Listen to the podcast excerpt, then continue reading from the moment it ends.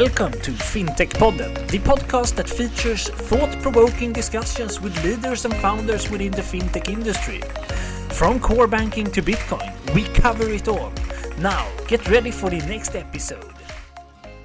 Hi, and very welcome back to FinTech Podden. In today's episode, we're going to talk about cards. Everything about cards and payments uh, with cards. And to do this, we have a really interesting guest joining us, Mario Blasevic. Very welcome to FinTech Podden. Thank you, Gustav, and thank you for having me. Yeah, and Johan, you are here as well. Hi. Yes, hello, hi. But Mario, how are you today?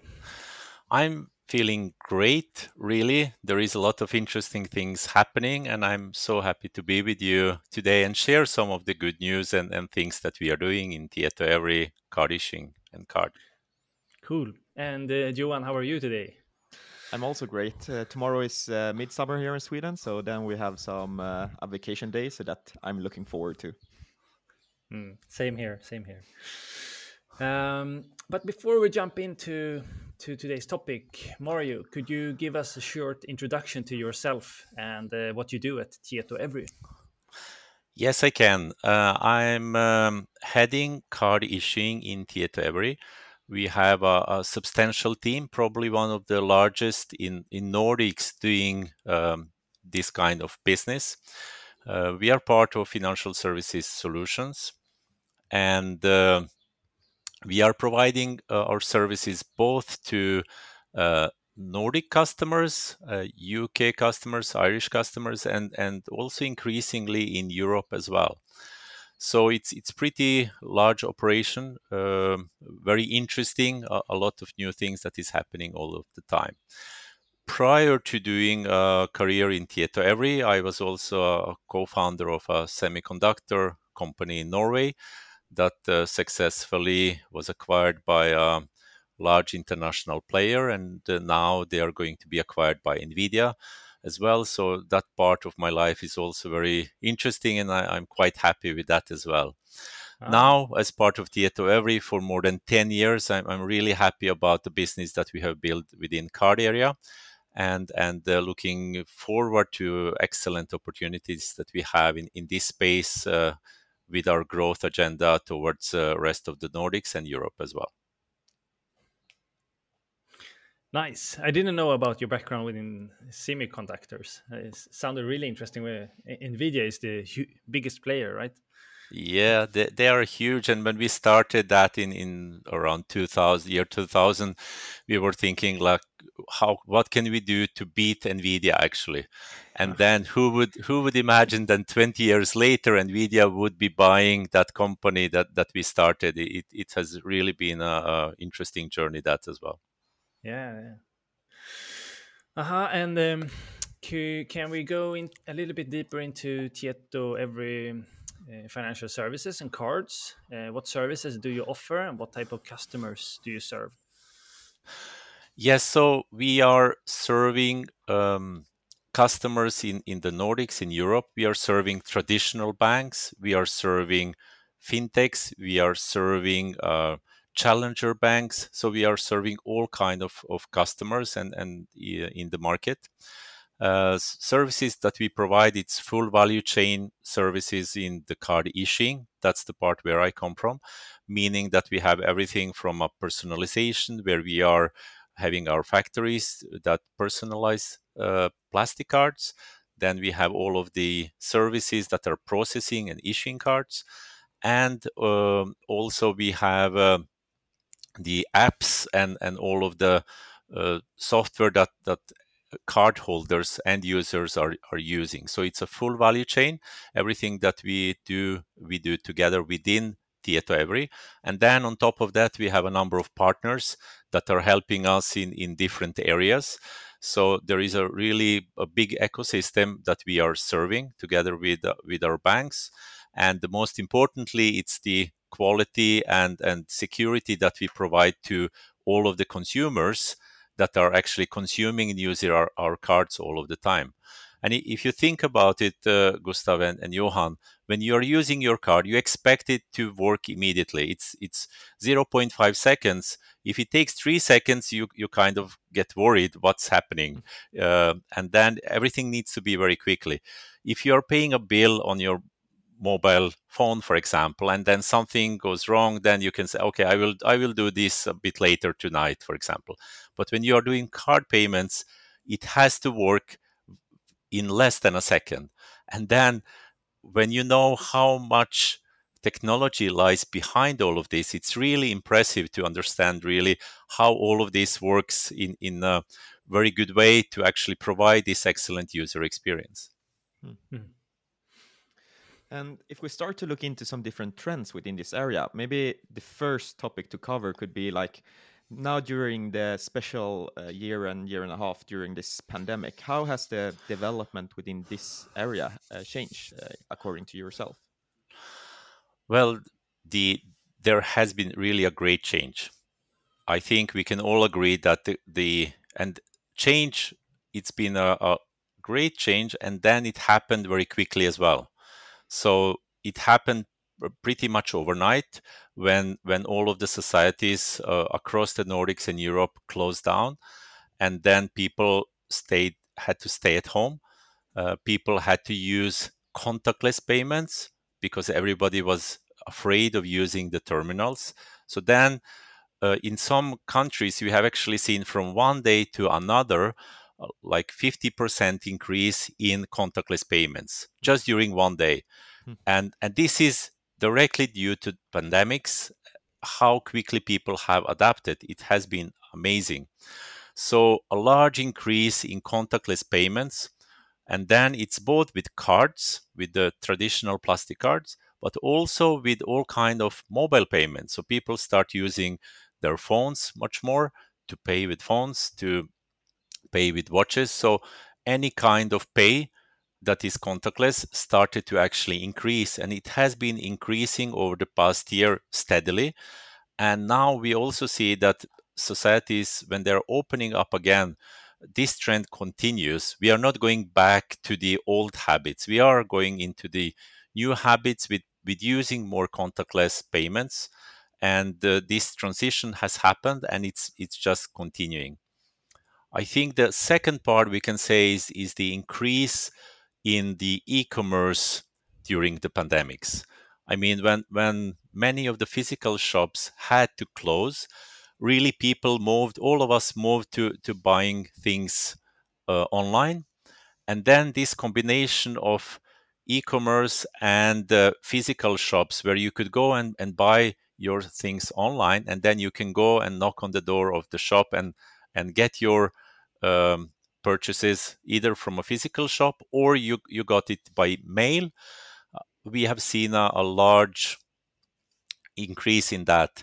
And then all of this brings some new challenges to the table as well. I mean, how how are you going to provide these services securely and real, in a reliable way, so that we as consumers feel uh, confident that nobody is going to uh, do advanced fraud schemes on us? How, how do we feel that that this is actually a, a good site where we do e-commerce? So there has been also some increase in the frauds as well during this period. So uh, as you know, uh, criminals are are also trying to um, take uh, advantage of this situation and and trying to to see what they can do to actually uh, make some money as well. So it's it's uh, many things that that have uh, happened during the pandemics, and, and we have been in all of these fronts trying to help our customers and and trying to help end users and society to get through this difficult period. Really. Hmm. Just a, a follow up question there, maybe. Uh, do you have any idea on the on how many people using uh, mobile uh, payment solutions versus card uh, solutions to pay? Like, are there any statistics for the Nordic area, for example?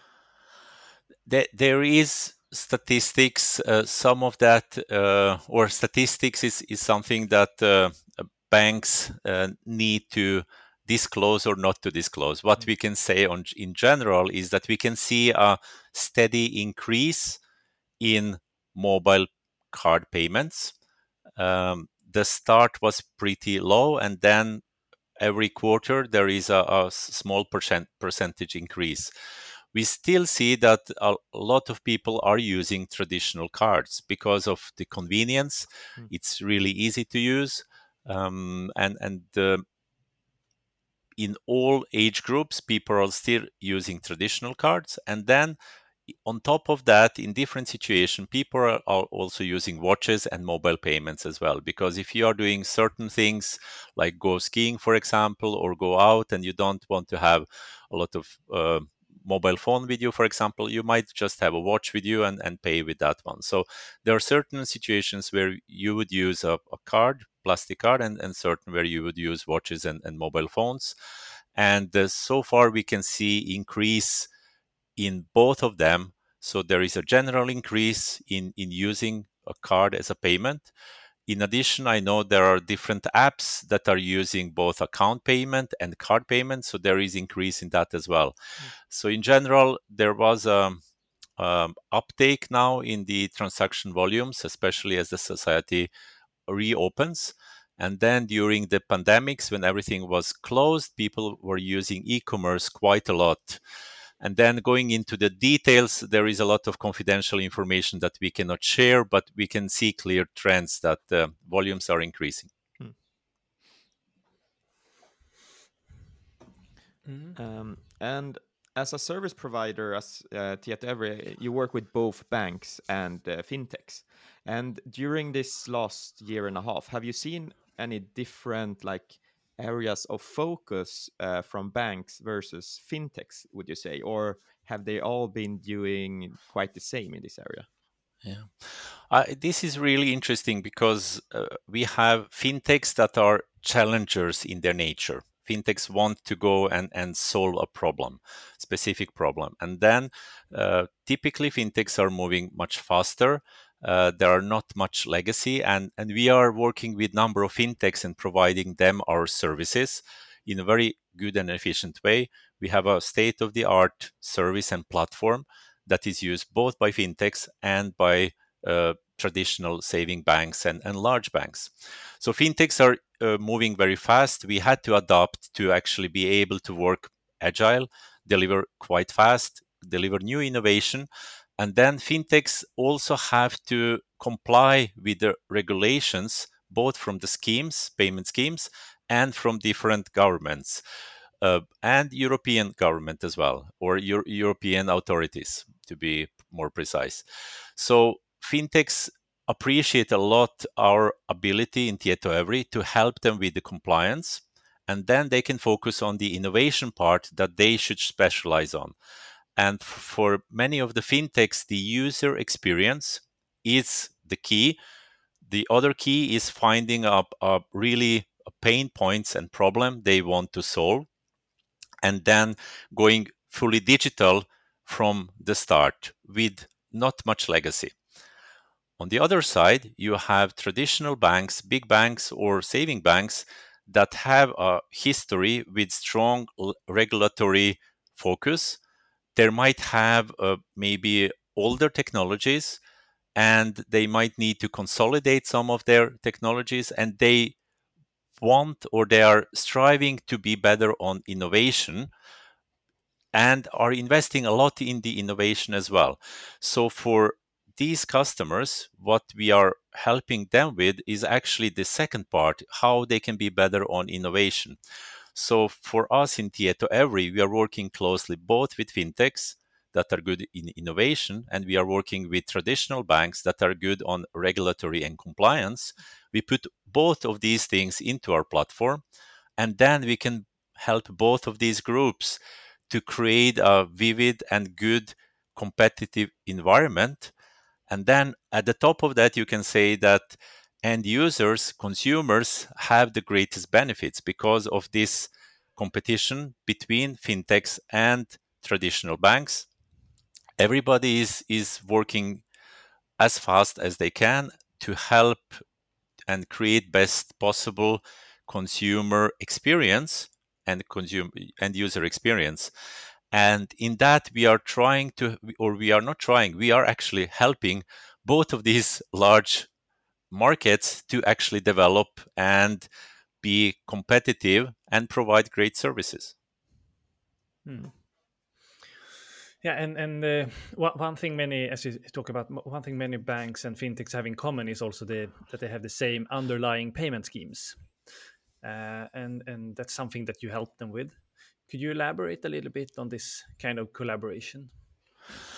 Yes, I mean, when, when we are talking about payment schemes, we have both the global payment schemes like Visa and MasterCard, for example. And then also in Norway, in particular, we have a, a local BankAxept scheme uh, that is part of Vipps now. And then we have we have some uh, closed loop uh, solutions as well some, for some of the large retailers, for example. So the good thing about the, the large international schemes is that this is something that is uh, uh, worldwide. So all of the rules and regulations apply to uh, merchants and issuers all across the globe. So meaning that when you are issuing cards from Visa or Mastercard brand in Norway or Sweden or Finland or or UK or wherever, you can use that as a payment scheme wherever you go. Uh, on the contrary, if you are thinking about Swish and Vipps uh, using those wallets, you can use them to pay locally within a country. If you are traveling to other countries, unfortunately, you cannot pay with Vipps or with Swish. You need to use your card because that's uh, working internationally. So all of these regulations that we have from a, a global payment schemes, it enables us to provide services to end users, not just within the country where they live, but also outside when they are traveling abroad, having vacations, or, or doing a business trips as well. And, and these kind of uh, regulations, it's quite complex. Uh, you need to be updated all of the time. Um, I think we are getting several hundred updates per year from MasterCard, for example, the similar from Visa. Uh, and then we need to go through all of these and, and adapt also our service to the new regulations, improvements in security, for example, uh, what comes from the European Banking Authority, etc., etc. And we put all of that in into our service, and then uh, our our partners and our customers, uh, both fintechs and banks, they don't need to worry about all of these changes they can rely on us because we have the experts in this area and we can both give them good advices what they need to do and we are at the same time actually adjusting the service and improving it to cover all of these regulatory requirements Yeah, and this, uh, uh, uh, like the role in the ecosystem that you have got here, I think is very interesting. As you said before, like fintechs and banks are maybe working in different ways, but in the middle, they still use the same underlying systems and they still have to follow the same regulations. And there you are to help them both with that so they can innovate on their own terms atop on that yes that that's the that's the goal that we have and we we are constantly in development and and some of our uh, mindset is that we are eager to learn and we are eager to change together with the market. And as we have discussed before during the pandemics we have seen that the change comes very rapidly. I mean previously maybe you had months or years to do a change. Now it's a matter of days. So what do you as a business need to do actually to be able to transform and change and release new feature uh, and and innovate in a very short time. Uh, so there there has been a lot of changes also within Tietoevry within our team where we have actually uh, tuned our processes releases. How can we do uh, innovation and much quicker releases of new services to the market? And at the same time keeping this security, quality, and stability of our service. So that hasn't been easy. Uh, at the same time, I, I, see that we have managed to do a lot of changes and are actually able to serve the markets in an incredible fast way compared to also where we have been maybe five or ten years before. Mm-hmm. And uh, I mean, Mario, you have a, a, a, long experience within this area. What would you say are the the late, if you take a, a, look into the future a little bit, or maybe look at the latest trends that happens today in the card card payment space? What would you say is is the biggest things happening right now? There are quite many things, Gustav, and maybe we can start with first one that is. Uh, I mean, many people are thinking maybe card is something that you have used before and it will disappear so that's that's one thing. And then mm-hmm. you can think about card. Yes you have a card that your physical thing that you're using and then you have a card that is put in your wallet. You have card that is put in your watch. You have a card that is put in your phone. So this card concept it it, it is a digital piece of information that can be put in many different places. You might have card that is used just once you might have card that is issued with a within a second used once and then deleted later when it has been doing its purpose. So you you don't need to look at card as just as a piece of physical uh, mm-hmm. plastic. It can be seen as a piece of data and then set of rules that you have that is accepted all across the world as a payment method and then it has a set of rules in in case something goes wrongly then you can actually get a chargeback for the purchase or if if you um, don't receive the the thing that you expected for then you can you can make a dispute and and get actually your funds back. So there is a lot of good things about the card. If you lose it you can replace it very easily. And then uh, many of our customers are also at the same time exploring the new opportunities with wallets, with accounts, etc. So there is certainly place for both account payment and card-based payments in the future. So that that's one thing I um, I can see. It's not just either you're paying with accounts or cards I, I see for many years in the future. There will be good space both for accounts and card payments and, and other type of payments as well in the future some of that we know some of that we don't know. The second uh, part I, I think it's about this cards as a plastic uh, what is happening there. And and it's been really interesting because i know five years ago and 10 years ago many people said this is going to go away. And and we we have actually seen increase in use of cards. And then it's new technologies that we have seen within that space as well. We have seen for example metal cards that is kind of high end. If you go to a bar and then you want to kind of show off you might have a metal card throw it on the disc you can hear the sound. It's these kinds of uh, scenarios. Then in the last couple of years you have these recyclable cards cards from recyclable plastic from the sea, for example, that gives a completely different view of the bank. If you're a bank concerned about the sustainability, then you might issue a card that is recycled, and that gives you a, a identity and sends the message to the cardholder that this is important for you. And in today's world, there are many customers that are very aware of sustainability, and we discussed that at uh, society level. The, the another one is uh, innovation that we have seen in biometric cards. So uh, instead of uh, having uh, contactless payments where you need to uh, tap the PIN code for high value purchases, you're using biometrics as well. And this has evolved as well. So there is a, quite a lot of innovation within the card industry, within the space. We can also say that there is a lot of consolidation because we see many of the large banks, for example, they come with legacy systems. And as things have been acquired or companies have been acquired in the past, um, banks never had time to actually consolidate because it, it takes time, it takes uh, money as well to do this consolidation. And then in some scenarios, we see that some large banks might not only have one system for this, some might have five, some might have 15. And then you can think about this innovation. You want to innovate, and then you need to do same thing five or 15 times.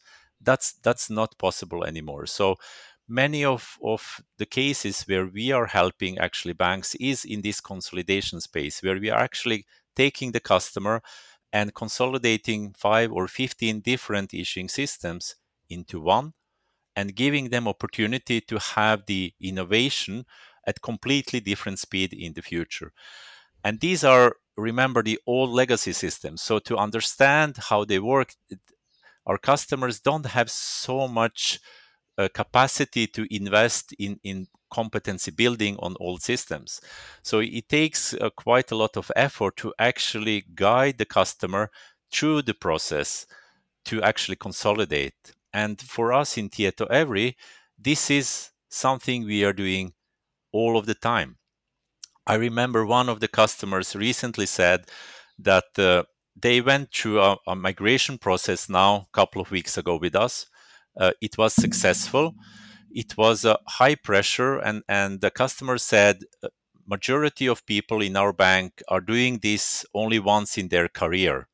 This kind of process. And you in Tietoevry you do this 5 or 10 times every year. Mm. so our our expertise is really into helping the customers to to transform from the old legacy platforms over to the new state of the art that we have. And we have separate teams doing that and can really make a difference for a, a large bank, for example, how they're going to compete in the future because you need to be much more agile. You need to be much more um, quicker to release the new features to be able to actually meet the market requirements from from end users and what all of us are expecting. Maybe a, a last thing i can add here in, in this what is the future? It's maybe not even the future it's already now. I mean let's say you, you have lost your card uh, you are abroad and then what should you do i mean hmm. uh, should you call your bank ask for emergency cash uh, should you call somebody else instead today already you can download the app for example from one of the digital banks you can apply for a card digitally and then that card will be issued instantly within, let's say, two seconds.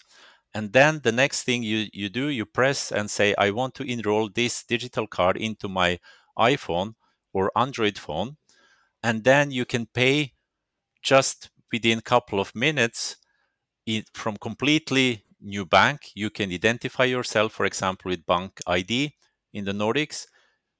And then you have a new payment card within your phone or your watch just within a minute or two.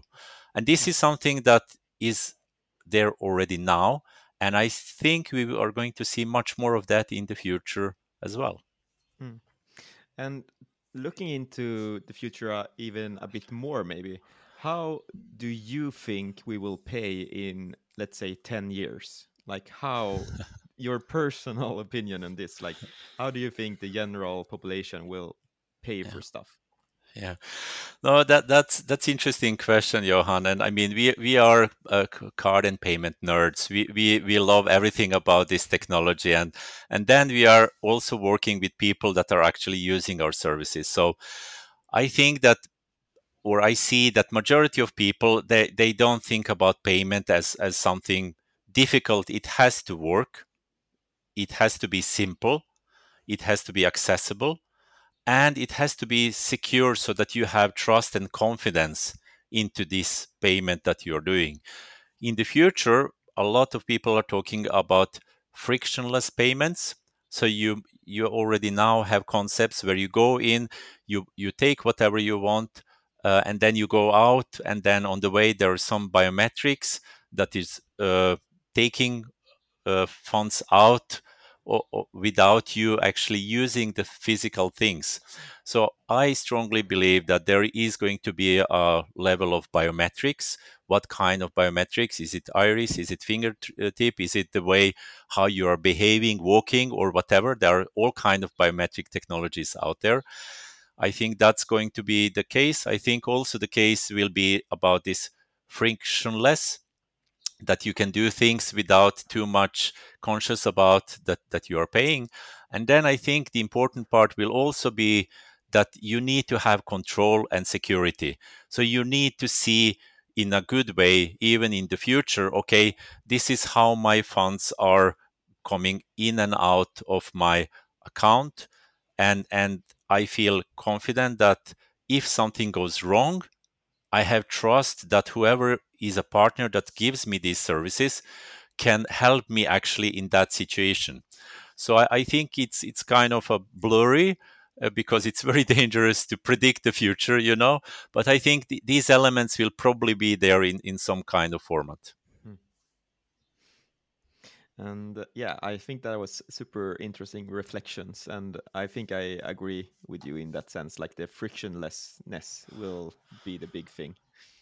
Yeah it's kind of frictionless and then controlled mm. i mean how, how can you do both of them and and not just one? Because it's it's easy to do uh, frictionless and then if something goes wrong you need to go back and say okay what really happened here because you need to identify person you need to figure out is this real or not uh, it shouldn't be tempting uh, to for for people to to kind of cheat either mm. and and yes we are all honest but uh, still there there has to be some mechanisms there to to make sure that we are still honest in the future as well mm. Mm. Um, and I think it's easy to say that time flies when you have fun. But uh, before we start to round up this conversation, uh, can we go into like, do you have any specific fintech or company that you think are doing something cool in this space that you want to highlight a bit? And yeah. you can, of course, not say it yet, ever. no. Well, th- there are really interesting ecosystem and, and many companies are, are doing really great. I think there is a lot of innovation within fintech space in the Nordics. Um, and, and we also see that uh, some of this innovation is also making its way to the Europe. So we are quite happy to work with Nordic companies that are actually exporting their ideas and their technologies to the Europe. We have several examples of that. And then also, if I'm allowed to, to give a name, I think one of the interesting um, banks in Norway that is fully digital is a Bulder Bank. They have been a, a new challenger here in the market and, and really focusing on good digital solutions with end user experience uh, that is really a, a top. Of course, we, we have uh, a Swish and Vipps that are no brainers. We have a, a, a, huge fintech in, in Sweden as well that is doing really interesting stuff. So I think I can I can stop there. And, and from our point of view, we are working with uh, all of the players within the Nordics. We are working with, with international schemes. There is a lot of information that we unfortunately cannot share because we are working on, on large contracts and interesting contracts and, and interesting schemes. Um, the most important thing for us is actually success for our customers.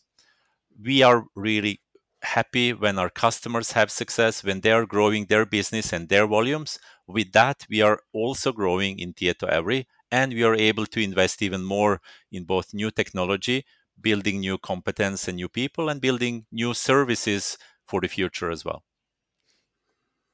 Yeah, great. And uh, yeah, we need to check out that uh, Bulder Bank. Uh, we, we can put a link to them in, in the description to the podcast. I think many don't really know about them, but uh, could be really interesting to to to check them out. I think. Um, thank you so much, uh, Mario, for coming and talking with us uh, in FinTech Podden. And do we have any final thoughts that we would like to share, Johan? Uh, maybe one uh, question to you, Mario, before we uh, really round up. Like, do you have any specific numbers? I, I know you sometimes say something, some really cool high numbers on uh, transactions and so on. Do you have something specific on top of your mind that is could be interesting for our listeners? Yeah i mean during uh, we it's really mind blowing some of these numbers and then the, uh, giving you a, a, small number first i mean we process our transaction with 0.04 seconds in in average which is really really short time looking at the large value chain. So it's a huge number of, of servers and, and data center that is processing all of this. And then the large number is that probably during this podcast only, I think we have served more than 300,000 people. uh, so during just this half an hour, uh, that number of people have actually done uh, a purchase and and went home happy with something.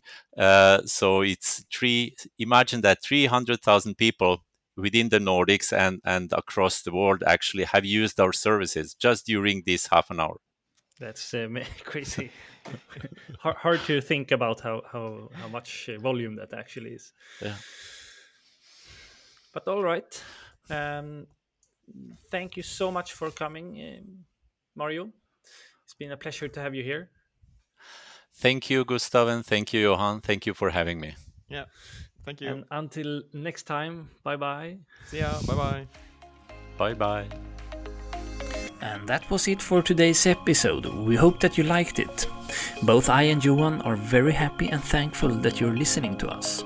And if you like what we do here, please go into iTunes or whatever platform you're listening from and leave a review or a rate. We would appreciate that a lot. We will soon be back with another episode, and until then, have a good time.